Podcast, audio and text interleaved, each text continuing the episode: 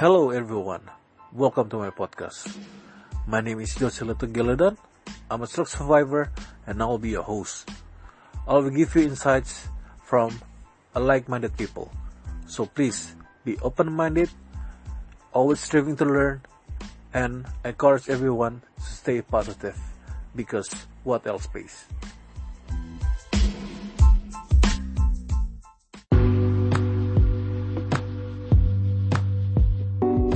Everyone, my name is Jose Little. Uh, I'm a survivor. Welcome back to my podcast. Uh, senang sekali pada hari ini ada special guest yang kebetulan sedang di luar negeri. Uh, mungkin perbedaan waktunya sekarang sekarang 5 jam. Uh, beliau sangat aktif sekali di kaca internasional. Beliau sangat concern dan sangat peduli terhadap ke isu-isu kemanusiaan. Saya perkenalkan dengan Ibu Agita Pasaribu. Uh, mungkin panggilnya nggak ibu ya, mungkin masih youth ya, masih is a millennial generation. Saya mungkin uh, nanti Ibu Agita akan jelaskan lebih detailnya briefly tentang Ibu Agita. Um, our discussion about the topic about the mindset of the leader. Ibu Agita ini bisa bilang, bisa saya bilang adalah a future leader, leader yang sangat mudah sekali. saya nggak tahu bagaimana dia memanage waktunya. Yang jelas kita akan diskusi mengenai tentang leadership, skills. Mungkin Bu Agita bisa share ke audiens dan para listener yang kebetulan notabene banyak dari generasi milenial. Uh, diskusi ini akan kurang lebih 30 menit, more or less. Without further ado, um, pertanyaan pertama saya ke Ibu Agita. Ibu Agita bisa tolong jelaskan nggak briefly tentang Ibu Agita itu siapa? Um, dulu sekolah di mana, lahir di mana, sekarang tinggal di mana, dan kerjanya apa? Silakan Bu. Ya, terima kasih sebelumnya sudah di-invite untuk sharing um, di podcast kali ini dan um, saya sangat merasa under sekali untuk uh, bisa berbagi juga. Mungkin uh, dipanggil ibu juga uh, sebetulnya belum sih gitu ya. Masih di bawah 30 tahun. Jadi mungkin um, boleh panggil Agita aja. Um, saya ambil S1 waktu itu jurusan fakultas, um, sorry, jurusan hukum, hukum pidana di Universitas Indonesia.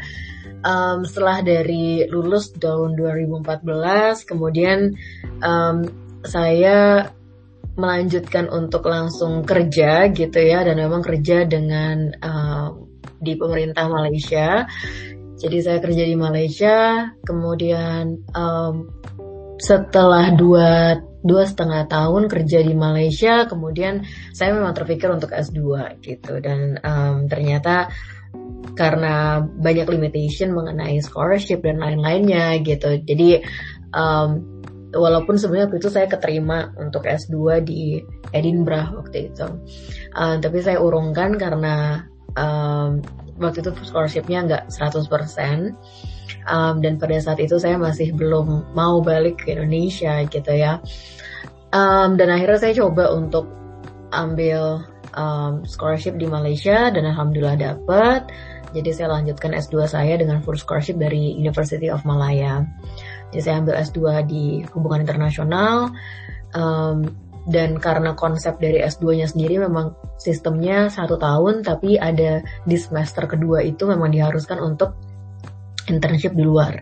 Jadi um, saya dapat uh, scheme internship di Strasbourg di France, um, yang mana saya memang uh, cukup banyak meluangkan waktunya di European Parliament. Jadi memang di situ saya cukup banyak belajar uh, mengenai hal-hal um, yang terkait dengan um, social media law, kemudian internet law. Jadi um, saya sendiri sebetulnya dari dari kuliah di UI itu juga sudah cukup banyak involved di uh, beberapa kegiatan youth empowerment. Jadi sebelumnya memang sudah cukup aktif di UN bodies kayak UNESCO, UNICEF di Indonesia. Um, dan ketika S2 memang saya agak mungkin bukan dia berubah 100% tapi karena juga mengikuti perkembangan zaman. Jadi umumnya itu uh, saya biasanya di bagian youth empowerment um, untuk kegiatan-kegiatan youth. Uh, jadi beberapa kali juga represent Indonesia di beberapa conference di luar negeri waktu masih S1 dan di S2 saya lebih punya kecenderungan untuk combining um, digital literacy. Jadi apa pun yang yang uh, dalam segi um, online gitu ya, uh, baik itu digital, digital literacy, baik baik itu cybercrime. Um, intinya mungkin saya melihat bahwa dengan perkembangan sosial media dan internet yang sangat pesat, um, bukan hanya opportunity juga yang makin terbuka luas, tapi juga hal-hal terkait mengenai um, side effect dari internet dan cybercrime itu sendiri gitu. Jadi memang um, di S2 inilah um, saya mulai melihat bahwa um, ini adalah scope yang ingin saya uh, geluti gitu ya.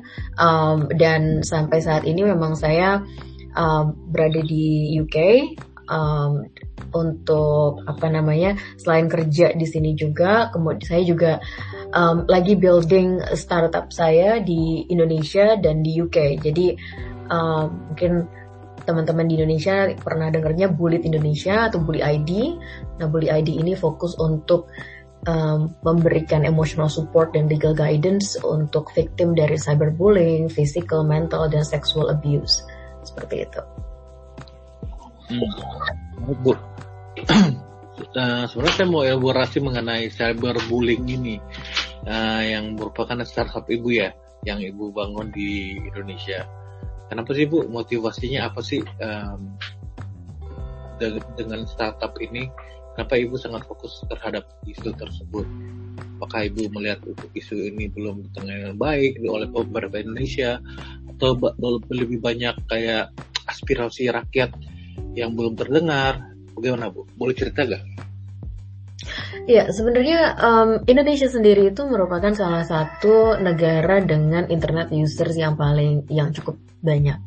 Itu pertama. Kedua, kita internet usersnya itu didominasi oleh um, young people gitu ya. Jadi para millennials yang menggunakan. Dan trennya bukan justru yang makin uh, bukan yang makin tua, tapi justru yang makin kecil umurnya gitu. Jadi makin muda, makin masih mungkin bisa dibilang masih umur 8-9 tahun mereka udah menggunakan sosial media, udah punya social media account, Instagram account dan lain-lainnya.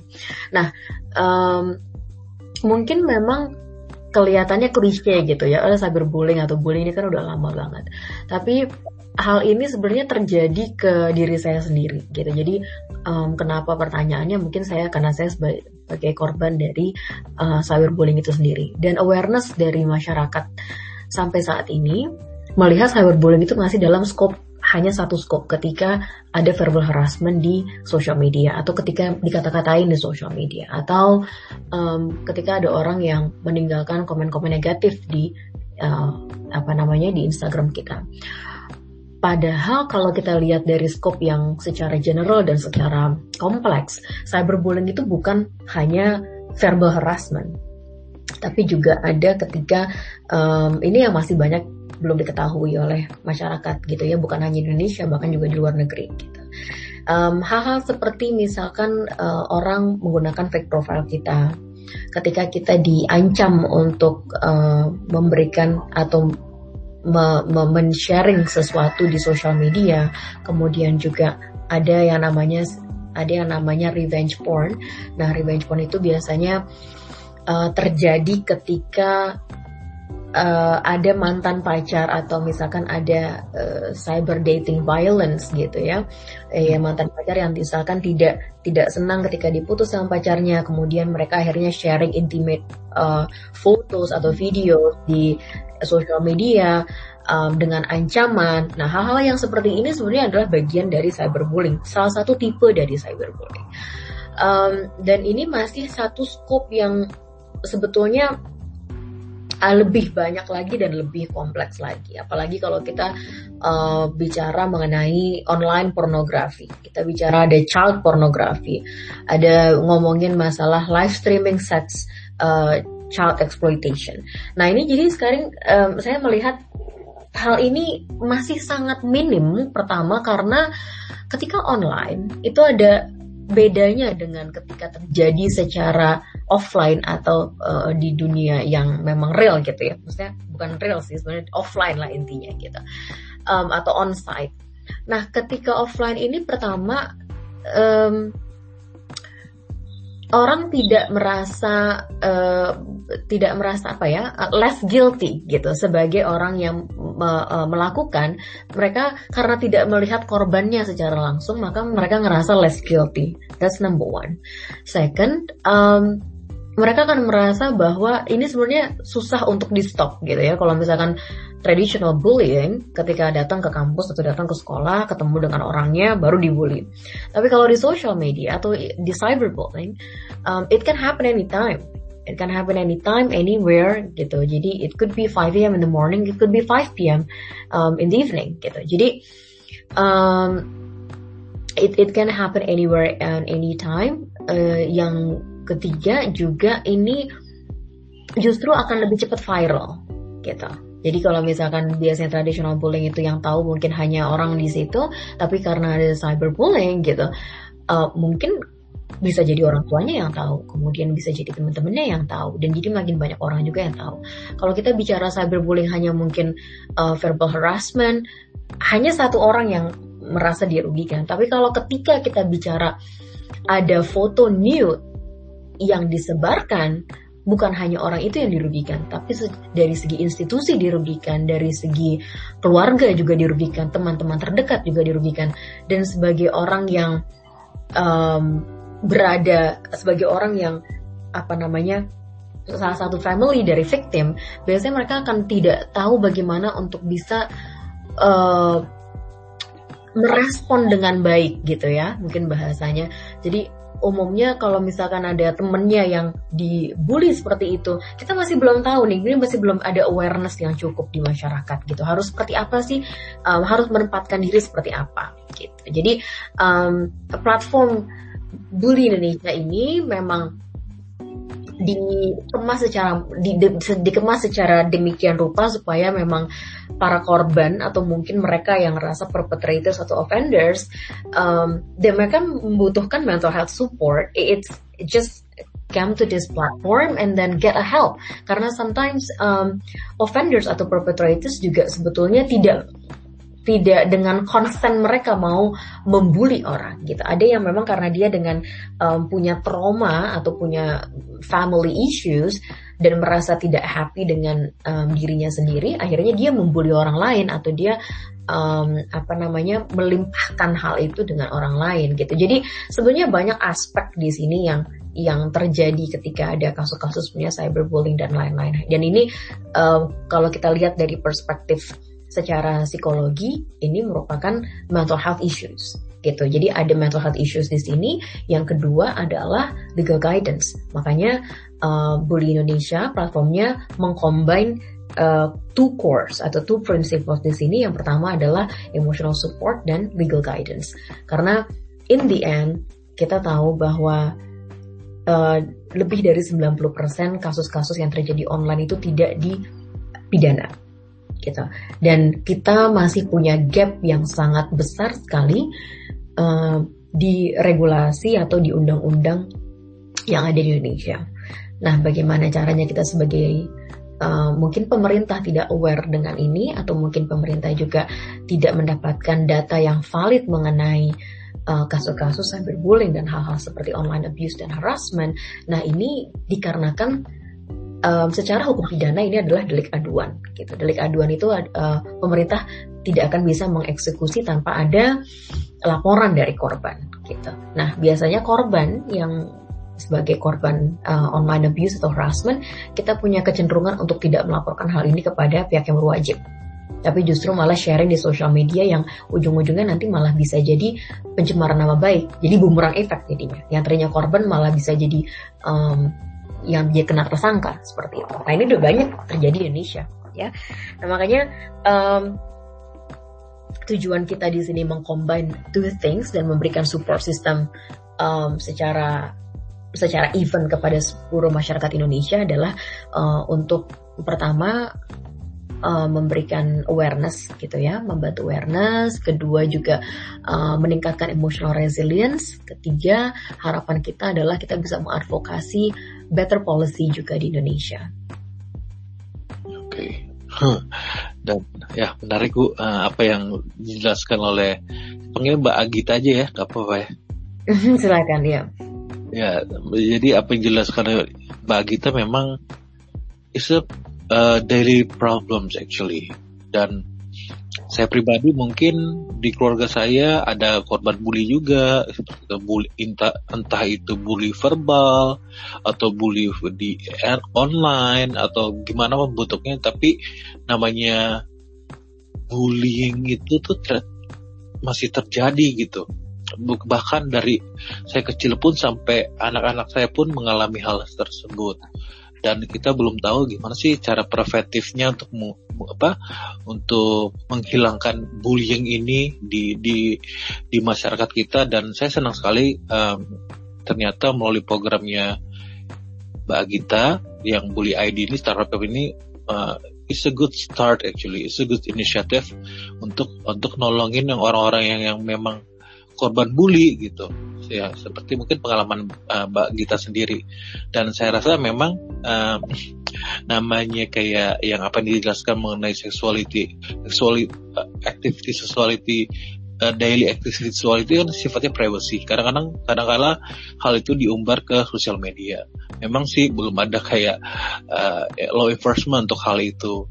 Mudah-mudahan dan memang mematikan karakter gitu loh pembunuhan karakter seseorang kalau itu di sosial media sampai orang jadi konsumsi orang uh, orang ini mungkin buat punya potensi tapi karena udah jadi malu akhirnya minder rusak hidupnya hmm. ya masa depannya ya seperti itu hmm. ya senang sekali bagi kita mau memulai itu dan ini memang kesannya tabu sih memang buat uh, apa namanya kultur Indonesia tapi saya nggak tahu um, apakah di negara contohnya kayak di Inggris tuh di UK apakah sudah mengimplementasikan hal ini dengan baik atau belum masih kesadarannya masih kurang?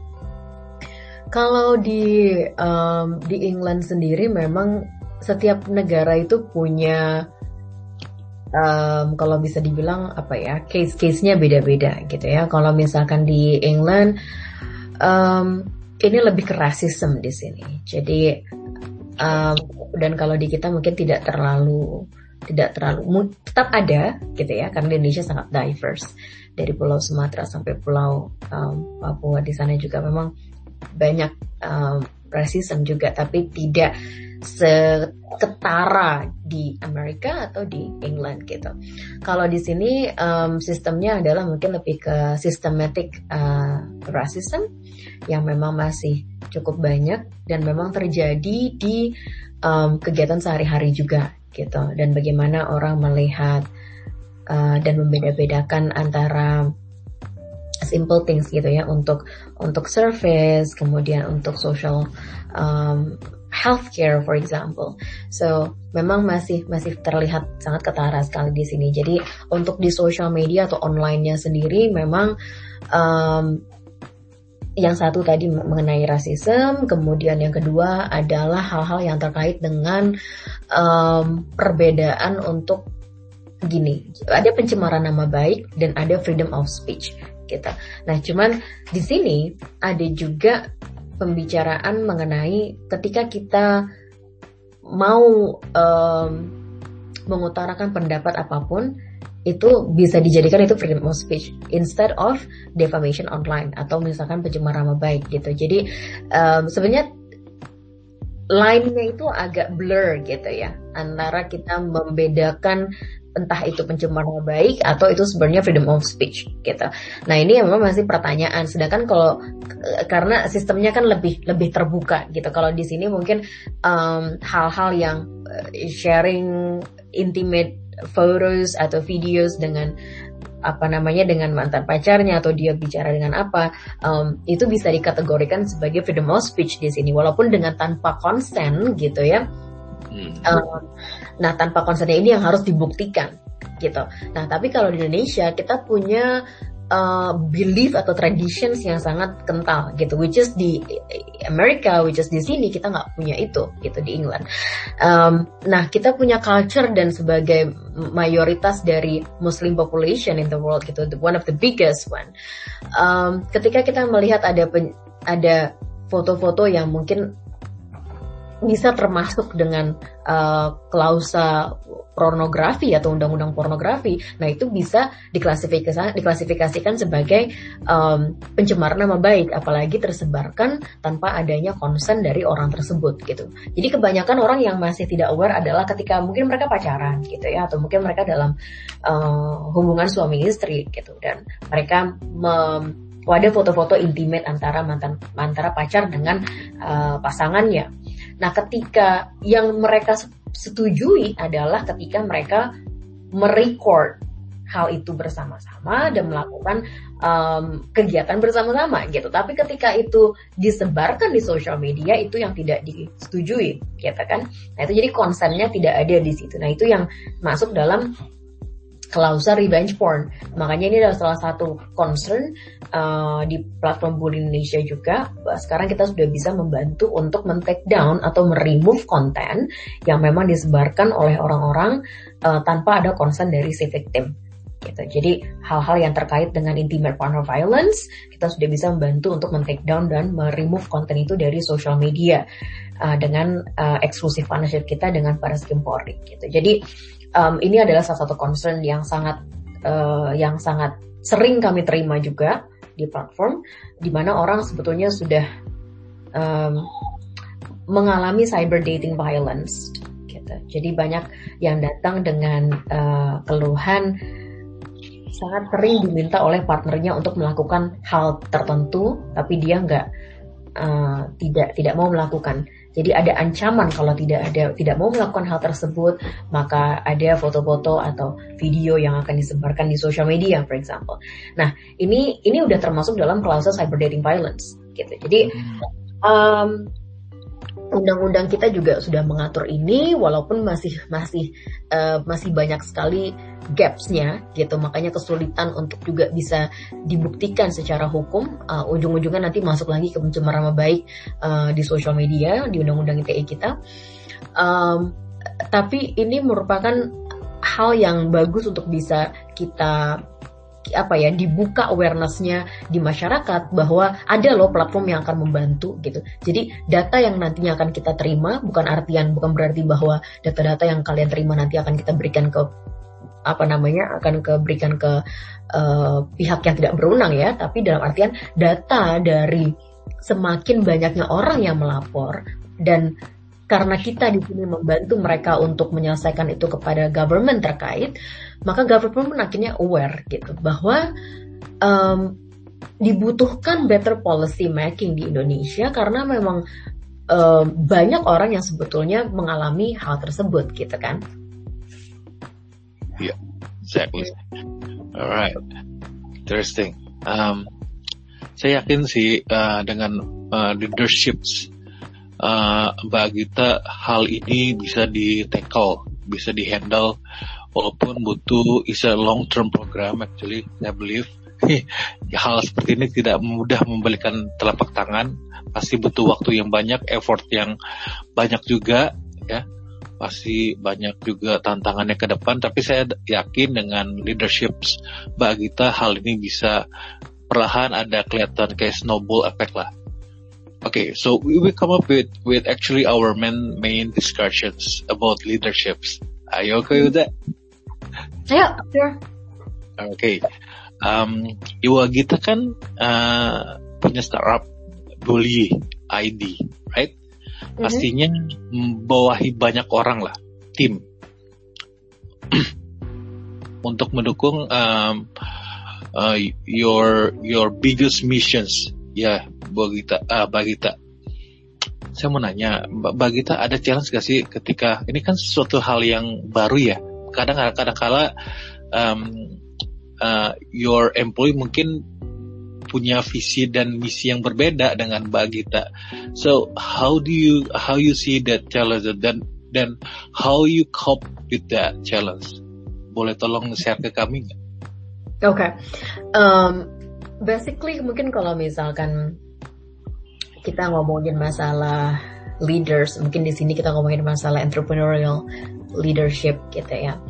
Um, satu hal mungkin yang harus uh, di di-emphasize juga bahwa uh, yang pertama kita harus fleksibel dengan um, ini kan misi misi misi bersamanya adalah solving problems of the future gitu kan. Jadi kita um, di Indonesia kita tahu ada problemnya adalah online abuse dan online harassment.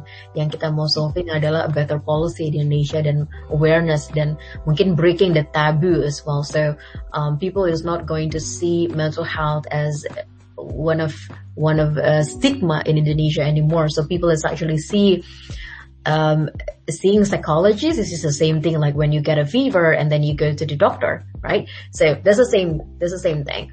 Um, cuman yang saya bisa lihat sih di sini basically being a leader it's not always about um, making things done, but um, it's all about the journey as well. It's all about you um, is in the process. Jadi mungkin kalau yang bilang it's always about result oriented, but in my case um, is also about the process gitu karena um, yang kita ada beberapa tipe uh, dari startup dan di Bully ID karena merupakan social enterprise kita di sini merupakan impact oriented gitu. Jadi ada orang yang melihat bahwa resultnya apa dan result ini sangat sangat dekat sekali hubungannya dengan numbers atau nominal. Oke, okay, kita udah mencapai sekian miliar atau for example gitu kan. Atau mungkin pendapatan segini revenue streamnya segini.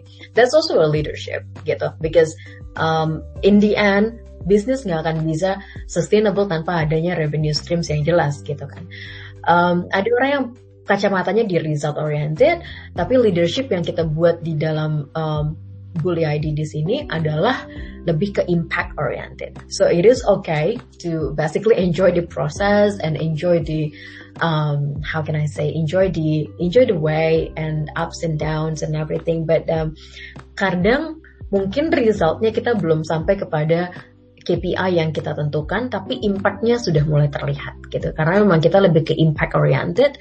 Um, impact yang kita lihat bisa jadi itu memang life changing experience bukan hanya untuk kita tapi juga untuk orang yang uh, sebagai beneficiaries dari program yang kita berikan kita atau dari service yang kita berikan karena dengan adanya mental health support dengan adanya legal guidance yang kita berikan kepada masyarakat impact dari mereka bukan hanya berhenti dari mereka tapi mereka akan jadi better individual in the future kita kan dengan bantuan dari um, platform yang kita berikan gitu. Jadi um, it's it's uh, we have to be constantly finding solutions dan menurut aku sih being flexible juga ya untuk solving the problem um, dan dan menurut aku itu lebih ke leadership yang memang um, aku terapkan juga dengan tim kita di Bully ID dan kita memang bukan artian um, tidak tidak terlalu strict jadi kita benar-benar karena kita nggak punya playbook di di Bully ID. This is this is the first platform, and I think in Indonesia as well, um, yang mengcombine antara emotional support, which is psychologist, dan legal guidance, which is dengan lawyer, in one integrated platform gitu. And I've I've never seen anything quite like this um, everywhere in the world gitu. Jadi kita nggak bisa punya patokan atau guideline book yang bisa kita contek dari negara lain atau dari e-commerce lain atau dari startup lain. Jadi kita benar-benar harus bisa fleksibel, kita harus bisa finding solutions. It is okay to make any mistake, but um, you just have to be resilient, just not giving up. So I think that's that's um, that's a key thing. Yeah. Interesting bu. Interesting mbak gitu um, what's actually your leadership skills? Eh style. Uh, apa sih leadership stylenya mbak Gita saya mau boleh share ke kami ya leadership stylenya aku um, reaching apa ya mungkin ke konsensus kali ya konsensus dan um, being able to communicate and negotiate in the way that is um, apa ya kita harus mencapai mungkin konsensus bahasa Indonesia-nya musyawarah gitu ya okay. uh, which is not very common kalau misalkan kita bicara bicara mengenai konsensus di business um, oriented person gitu karena misalkan kita dealing dengan investors pasti mereka nggak akan ada musyawarah untuk mengenai numbers karena mereka invest sekian number pasti mereka akan mau dapat sekian percentage um, in a in a apa namanya in the time frame gitu kan in the certain time frame. Tapi kita juga harus realistik bahwa um, these days gitu kita tidak bisa juga hanya um, pleasing satu satu uh, apa namanya satu aspek gitu. Jadi dalam artian idea yang kita punya di dalam Bully ID ini dan teman-teman yang mendukung saya dari um, day one itu memang kita sama-sama punya visi yang sama, misi yang sama, interest yang sama, um, dan passion yang sama. So that's I think the beauty about it gitu. Jadi um, leadership style is is is always is always about being able to reach consensus, being able to um, communicate clearly. Because um, in the end, nobody will understand what do you want without being able to communicate clearly to other people. Interesting. Yes, I agree with that. Um, and admire your your perspective on that. It is um, um, interviewing so many um, like many people like you. Uh, they always say that communications is way more important. uh, ketika kita menyampaikan apa sih tujuan dan visi misi kita itu harus benar-benar tersampaikan ke para follower kita, para uh, employee kita, gitu. Itu sangat penting. Membuilding, membangun sebuah komunikasi yang jelas gitu buat mereka agar mereka termotivasi. Uh, menarik bu uh, jawaban Mbak Agita. Uh, memang a future leader ya. bu, you're saying that you are born to be leader. Are you do you agree with that? Iya, kalau menurut aku mungkin setiap orang um, setiap orang akan punya kemampuan untuk leading dalam dirinya sendiri. Setiap individual punya um, tahu akan seperti apa, dia punya visi, dia um, harus cari kerja untuk bisa sustainable, dia harus sekolah, dia harus mengenyam pendidikan. So, I think setiap orang itu memang born as a leader. Tapi nggak semua orang born as a leader and can be able to lead a group of the people. Nah, itu jadi bedanya gitu. Dan menurut aku untuk mencapai um, a certain level of capability itu setiap orang punya prosesnya masing-masing gitu kan. Ada yang memang dia uh, belajar untuk menjadi good leader ada yang memang dia um, punya capability dan punya charismatic itu sendiri ada yang memang dia um, it's, it's a long process, it's a journey. Karena mungkin dia udah bekerja sebelumnya bertahun-tahun dan dia belajar bagaimana caranya untuk membangun leadership dari dirinya sendiri dan akhirnya dia punya um, bisa melit a group of the people um, di bawah dari visinya dia gitu. Jadi menurut aku sih, aku setuju dengan um, statement um, everyone born as a leader. Uh, apabila Mbak Gita orang nomor satu di negara ini, apa yang menjadi program kita? Silakan. Kalau menurut saya program prioritas saya yang pastinya adalah um, good health and well-being ya. Jadi uh, kita lihat mau negara semaju apa pun, mungkin saya berkaca juga dari pandemi COVID-19 ini juga bahwa sebaik apa pun ekonomi kita, sebaik apa pun progres yang kita buat dengan trading, um, perdagangan internasional dengan negara lain dan lain-lain hal, data development dan lain-lainnya tanpa adanya good health system di negara tersebut gitu ya. Itu um, it means uh, we actually fail as a country gitu dan um, berkaca dengan berkaca dengan COVID-19 ini saya rasa semua bahkan negara developing country developed countries pun di di kita bisa let's say kita bisa bilang France, Spain, United Kingdom, um, kita melihat bagaimana sebetulnya minim sekali investment yang negara berikan kepada health system. Masih banyak kasus-kasus di mana um, kekurangan PPE atau uh, ADP, kekurangan juga uh, masih belum banyak vaksin yang uh, fokus ke hal-hal seperti ini, masih kurang support kepada saintis um, dan hal-hal yang terkait dengan health system. Jadi kalau saya memang dipercaya untuk bisa um, apa namanya dipercaya untuk bisa menjadi orang nomor satu gitu ya. Yang pertama yang akan saya perbaiki adalah good health, um, health systems dan well-being. Kenapa saya bilang well-being? Because there is no health without mental health. Gitu. Jadi mau um, sebagaimanapun kita dan kita lihat dari COVID-19 yang sekarang ini juga berkaca dari apa yang terjadi dengan pandemik dan belajar dari hal ini, um, kita semua tidak siap dengan adanya pandemi ini dan ketidaksiapan kita ini akan mempengaruhi sedemikian rupa bagaimana mental health kita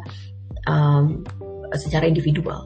Jadi um, health dan mental health it's two things are really important dan um, akan menjadi prioritas kerja saya gitu.